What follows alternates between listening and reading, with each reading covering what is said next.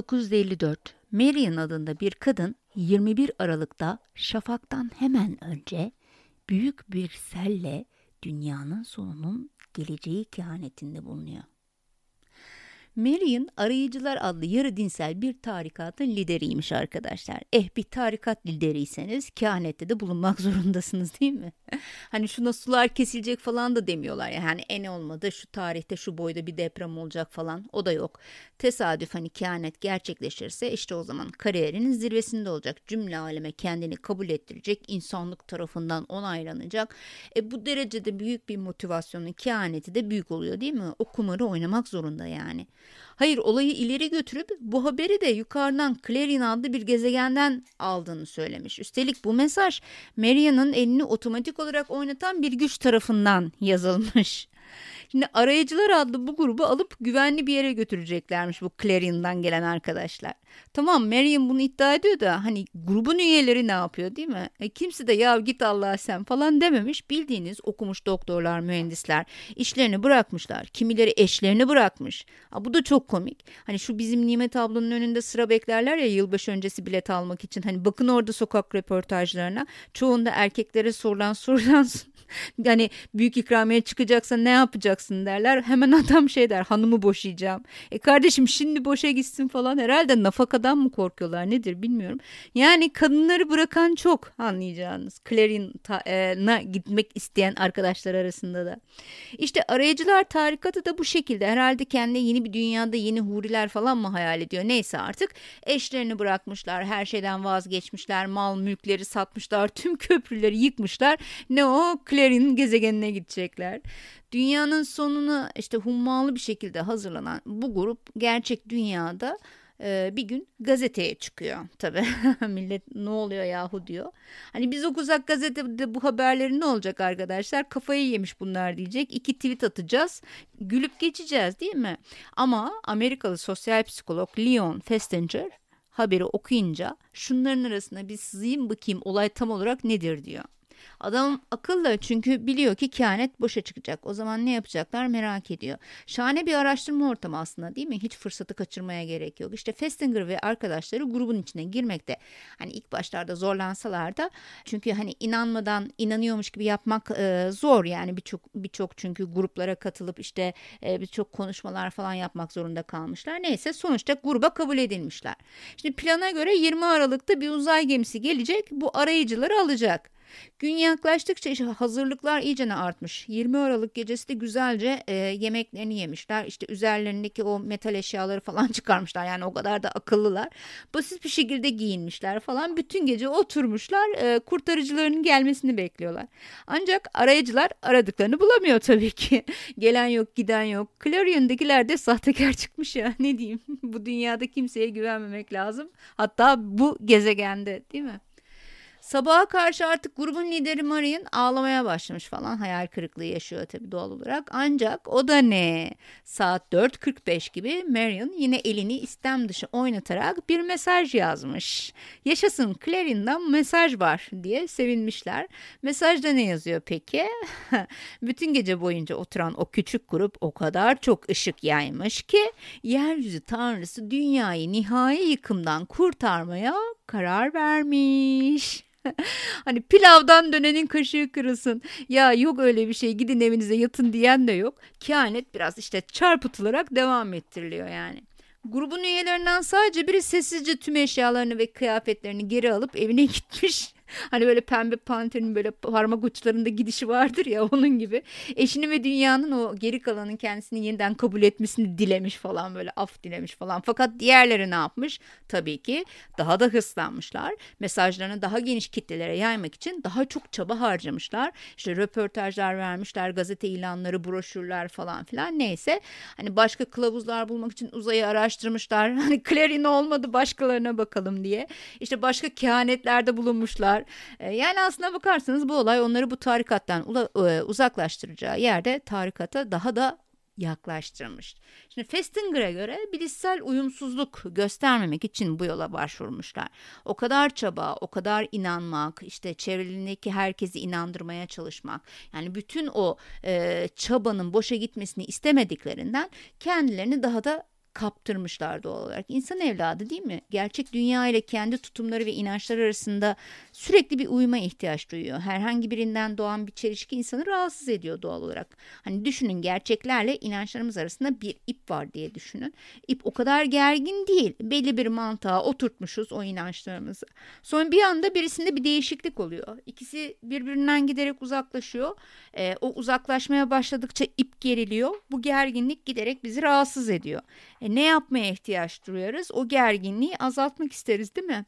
Ke mesela kendimi çok sabırlı sanarken birisi gelip bana çok sabırsızsın evrimcim derse e, bir anda allak bullak olurum ben. Ya hayır yani bakıyorum bütün davranışlarım yani kendime göre bilgim, kendimle ilgili bilgim çok sabırlı birisi. Ama geldi birisi sabırsızsın dedi e, sabırlı olduğumu ispatlamaya çalışırım. Daha farklı davranırım. Çünkü iki bilgi arasında fark var. Bir şekilde o iki bilgiyi uyumlu hale getirmeye çalışırım. E, evet ya ben sabırsızım derim. Böylece karşı tarafı kabul etmiş olurum. Gerçekle benim kendi algıladığım arasındaki uyumsuzluğu bu şekilde yok ederim. Ya da sabırlı olduğuma inanmaya devam ederim ama karşımdakinin algısını değiştirmek için daha sabırlı bir tutum sergilerim değil mi? Yani ya bilgimi ya davranışımı değiştirerek bu uyumsuzluğu yok etmeye çalışırım. Yani, bunu aslında e, sigara içen ama sigarayı bırakmak isteyen dostlarımız da çok yaşamıştır diye düşünüyorum. Hani bırakmak isteyen veya bırakmak istemeyen her neyse ama belki farkındalar belki değiller. Hani sigara içmekten zevk alıyorlar, e, rahatlattığını düşünüyorlar kendilerini bu şekilde. Hani burada bir sorun yok yani e, rahatlattığını düşünüyor, sigara içiyor. Ama bir gün doktorun biri geliyor bu kişiye diyor ki sigarayı bırakman lazım. Aksi halde sağlığını kaybedeceksin. Haydi bakalım. Yani burada evet sigara içersem sağlığımı kaybedeceğim diyerek bırakan kişiler elbette var. Onları gerçekten tebrik ediyorum. E, ipin bir ucunda sağlık, diğerinde sigaradan aldığı haz var. Yani bu gerginlikte davranışlarını değiştirerek sağlığı seçiyorlar ve sigarayı bırakıyorlar. Hakikaten tebrikler yani. Takdire şayan bir davranış. Ee, ama diğer grup ne yapıyor? Diğer grup bilgiyi değiştirmeye çalışıyor. Yani sigarayı bırakmak istemiyor. Davranış aynı davranış olarak kalacak o zaman. Ne olacak ama? Yani bu gerginlikle de yaşayamaz. Çünkü birisi diyor ki bırakmazsan öleceksin ya da çok hastalanacaksın her neyse. O zaman bilgisini değiştirirse uyum içerisinde olur değil mi? Bilgiyi değiştirmek her zaman daha kolaydır aslında. Bir başka bir şeye inanmak daha kolaydır davranışı değiştirmekten. Huzurlu, mutlu, mesut hayatına devam edecek bu şekilde. Peki bilgi nasıl değişiyor? Şöyle. Bizim komşunun dedesi 90 yaşında. Adam yıllardır günde iki paket içiyor. Bir şey olmuyor. Var mı çevrenizde böyle dedeler veya bunu söyleyen arkadaşlarınız? Hani doktordan aldığı bilgiyi bozuyor, eğiyor, büküyor, davranışına uygun hale getiriyor. Ama kendisi için yarattığı bahaneyle bilişsel olarak uyumsuzluktan kurtulmuş oluyor değil mi? Milyonlarca sigaradan ölen o insan arasında kendisine sadece bir örneği seçmiş ve sigara sağlığa o kadar da zararlı değil demiş. Sonuçta olumsuz da olsa gerginliği azaltmış mı? Azaltmış. Yıllarca o inandığımız, kendimize göre yorumladığımız bir gerçeğin aslında öyle olmadığını söylendiğinde de kendimizi çok rahatsız hissederiz.